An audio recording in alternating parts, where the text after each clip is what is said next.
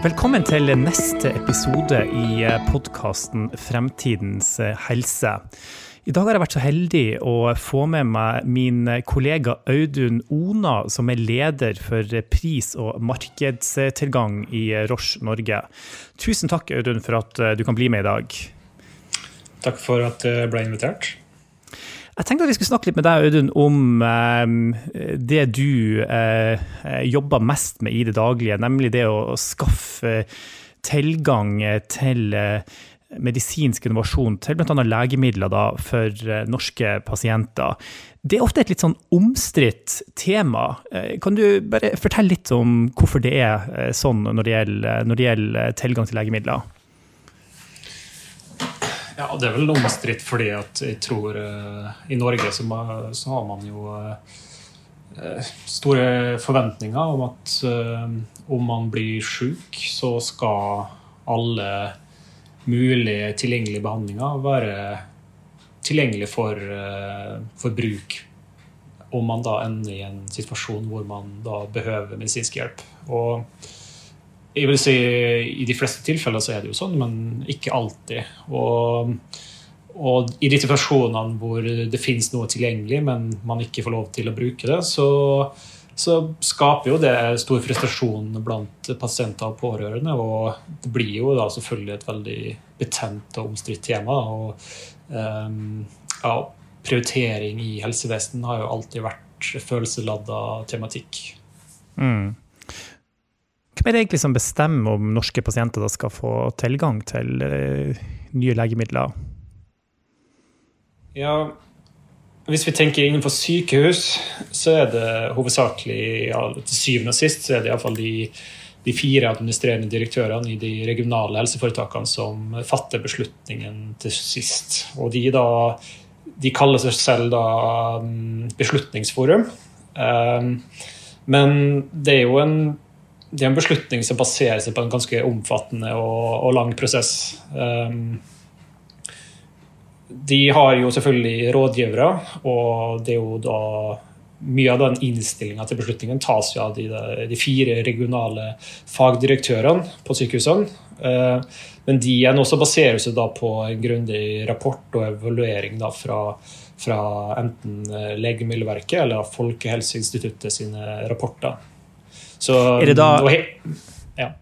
er det da pris som til syvende og sist avgjør, eller?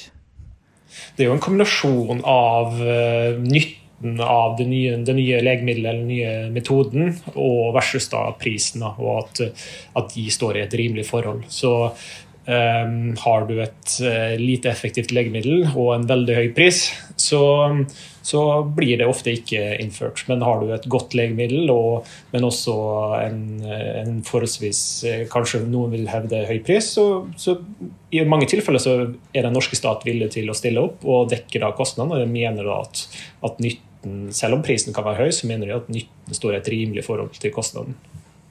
Du, du, er ekspert på å regne på nettopp denne eh, type ting. og Du er helseøkonom eh, av bakgrunn. Hva er det egentlig en helseøkonom eh, gjør? Ja, det er jo Jeg vil kanskje si at det er en sekkebetegnelse for litt ulikt. Ehm, men det handler vel mye om folk som driver med økonomisk eh, ehm, ja, innenfor eh, helsesektoren. Ehm, og det kan jo være alt fra folk som jobber med finansieringsmodeller innenfor sykehusene, til kanskje statistikk og den type ting. Men uh, personlig så har jeg jobba mest innenfor det området innenfor helseøkonomi som heter det økonomisk evaluering.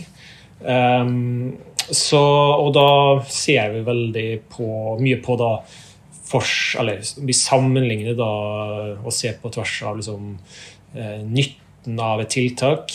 Um, det kan da være selvfølgelig om, om et tiltak eller et legemiddel gir økt livskvalitet eller leveår. Og det kan også selvfølgelig gi reduksjoner um, i kostnader på andre områder. Og så veier vi det da opp mot hva det koster å kjøpe det nye legemiddelet. Så ehm, det er sånn, det er en økonomisk evaluering som, som, også brukes innenfor andre typer områder, som også samferdsel. Eh, men helseøkonom da selvfølgelig da appliserer det innenfor helsefeltet.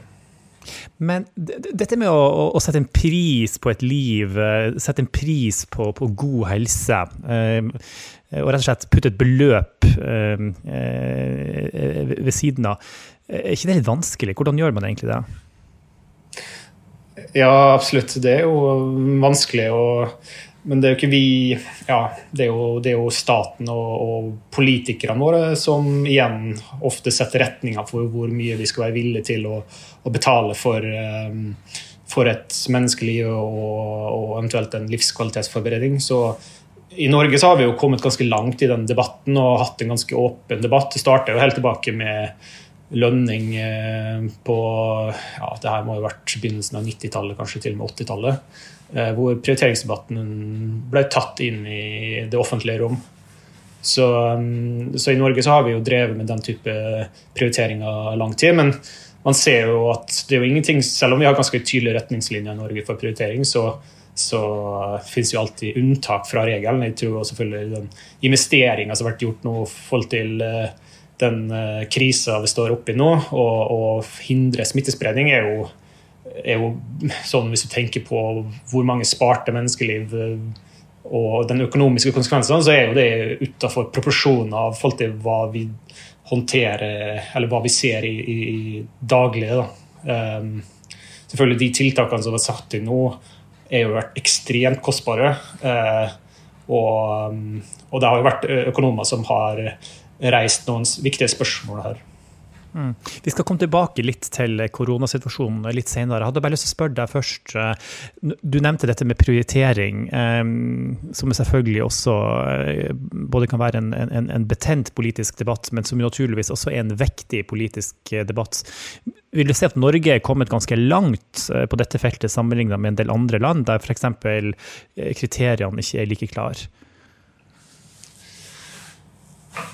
Ja, altså jeg tror, altså jeg tror, mange andre land har kommet ganske langt eh, også. Altså, eh, hvis du tenker på nærmest naboland som eh, Sverige, Finland, Danmark, så er det jo klart det har vært en viktig prioriteringsdebatt der, og de bruker til viss grad samme metodikk som oss. Og også UK er jo kanskje det landet som er kanskje ledende på dette feltet. Så jeg tror Norge har kommet veldig langt, og jeg tror det som er kanskje fordelen med det norske samfunnet, er at vi har, vært veldig åpne om å, å, å diskutere prioriteringer um, i, eh, ja, blant allmennheten.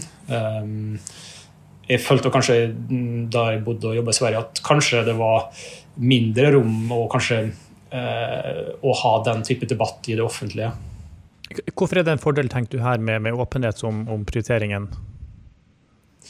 Um, jeg tror det kanskje skaper mer legitimitet når eh, alle i samfunnet på en måte eh, er enig i den samfunnskontrakten. da. Mm, mm. Du Audun, eh, du eh, jobber jo med å sette tall og nummer på ting som for mange andre nærmest kun er forbundet med, med, med lidelse, sykdom og, og, og ubehag. Eh, dette med, med, med matematikk eh, regneark og Excel, eh, er det noe du liksom alltid har vært interessert i? Eh, var matte favorittfaget ditt på skolen?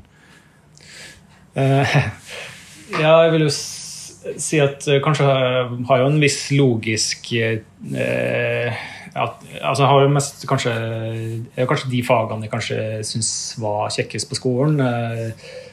Kanskje samfunnsøkonomi, samfunnsfag, de type Kanskje ikke ren matematikk har vært min sterkeste side. og og, men eh, jeg har jo jobba veldig mye med Excel de siste årene. Kanskje ikke så mye med nåværende rolle, men, men eh, og, og, det er faktisk eh, noe jeg har likt veldig godt, å jobbe med, med utregninger. Um, og jeg syns også Excel Det kan høres veldig nerdete ut, men det gir en veldig sånn umiddelbar tilfredsstillelse å lykkes å få til noe i Excel.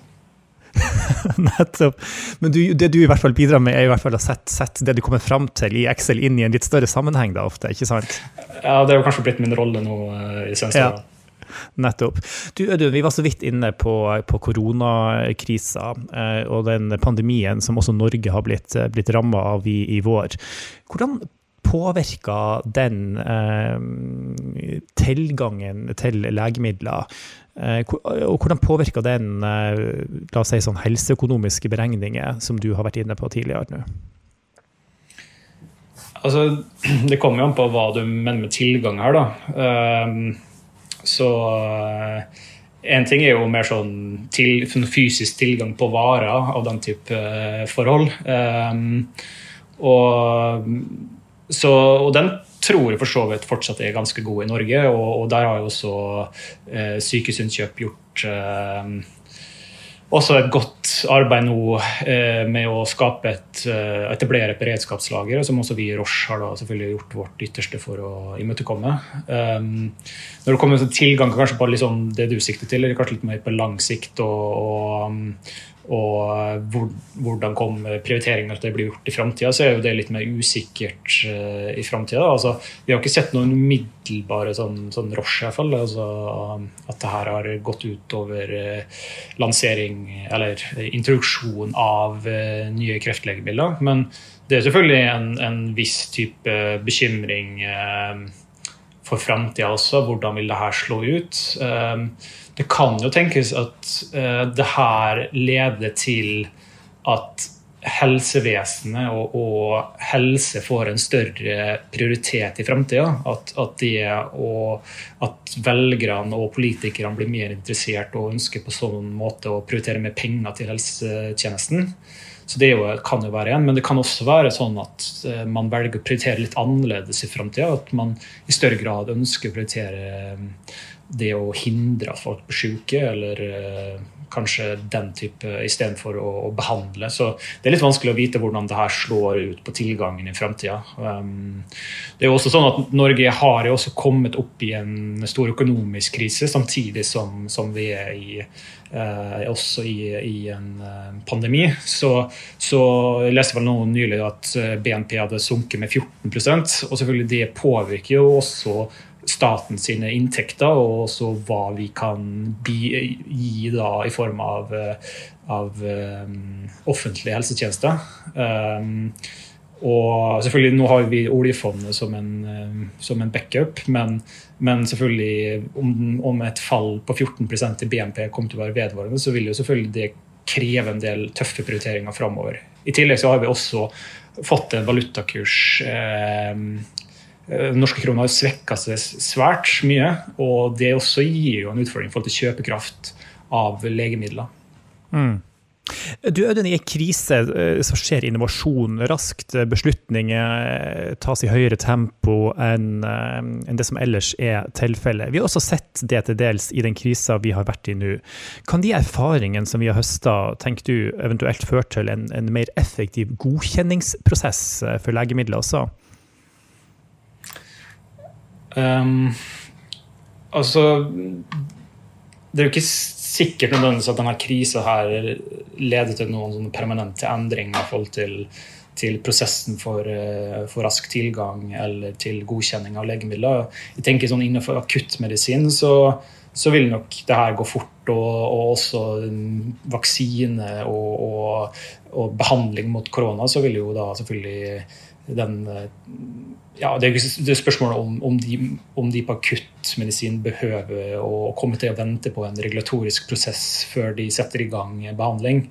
Eh, på litt mer sånn kroniske sykdommer og den type prosesser, så tenker jeg at det kanskje eh, kommer til å være tilnærmet lik situasjoner etter krisa. Mm. Du, Audun, du snakker også veldig ofte om eh, betydning av det å ha et eh, godt og bærekraftig offentlig-privat eh, samarbeid. Det er blant dine kampsaker. Hvorfor er det så viktig for deg? Ja, um, jeg har jo vært heldig å få være med på et slikt uh, offentlig-privat samarbeid, og vært da også uh, pådriver for det. Og, og, og selvfølgelig um, Eh, det er jo et samarbeid vi har hatt med andre ulike legemiddelfirmaer. Eh, Kreftregisteret, Kreftforeninga. Eh, det er også selvfølgelig samarbeid med de offentlige helseforetakene. For da å skape og samle inn bedre og mer data til Kreftregisteret, som jeg tenker at alle har nytte av. Det er jo et, er et prosjekt som skal skal går, er da, ja, går til fellesskapet og, og samler inn da data. Um, og um, i, i tilfeller hvor det offentlige og, og private har felles interesser, så ser jeg kun positivt på et slikt samarbeid og tenker det kan være en fordel. og det bryter jo, Et slikt samarbeid også tenker jeg, bryter jo ned en del av de kanskje mystikken og, og, og også litt sånn de fordommene man har mot hverandre. Altså man får jo se litt ok, hvem er det som da jobber i legemiddelindustrien, hvem er det som da jobber i det offentlige. og Man får delt mye erfaringer med hverandre og, og se at vi faktisk er ganske like. Vi har faktisk de samme målene. Vi ønsker å bidra til et bedre helsevesen. Hva er grunnen til alle disse fordommene, da, tenker du? Selvfølgelig I Norge så er det kanskje en del historikk. Eh, det har også vært en del tenker tøffe saker mellom legemiddelindustrien og det offentlige som, eh, som, kanskje har opprettholdt et slikt bilde. Um, men jeg i dag så er det jo liksom, Som ofte så er det jo et relativt godt samarbeid mellom, mellom legemiddelfirma private og, og, og det offentlige det prosjektet du nevnte akkurat nå, på, på hvordan måte, helt kort, uh, tenker du at det kan komme til nytte for, for norske pasienter? Altså, uh, sånn umiddelbart så er det jo uh, Ja, det er på mange, mange måter, men det, er det vil bidra til en generelt bedre statistikk. Kanskje kvalitetsarbeidet er jo kanskje det det som kanskje man vil kunne se raskest, og kan ha en raskest mulig effekt. At man rett og slett kan se um, hvordan brukes legemiddel i de ulike områdene i Norge. Altså er, er bruk f.eks. av da, immunterapi er det likt i Norge? Um, um, bruker man det mye i ett sted versus mindre i andre? år? liksom, da kan man jo diskutere også hvorfor gjør det. Um, så jeg tenker En mer rettferdig og lik fordeling av, av ressurser kan det jo føre til, og selvfølgelig en økt kvalitet. Um, og så finnes det mange andre fordeler med et sånt register, som, som både innenfor forskning og så finnes det jo selvfølgelig um, Man kan jo tenke seg også om man, på sikt også kan bruke det inn, inn, når man skal søke om finansiering i etterkant for å følge opp finansieringsbeslutninger muligheter for å komme fram til løsninger, avtaler som baserer seg kanskje på resultat, den type forhold. Jeg forstår. Tusen, tusen takk for, for den forklaringa, Audun. Du har tidligere vært eh, fjellklatrer.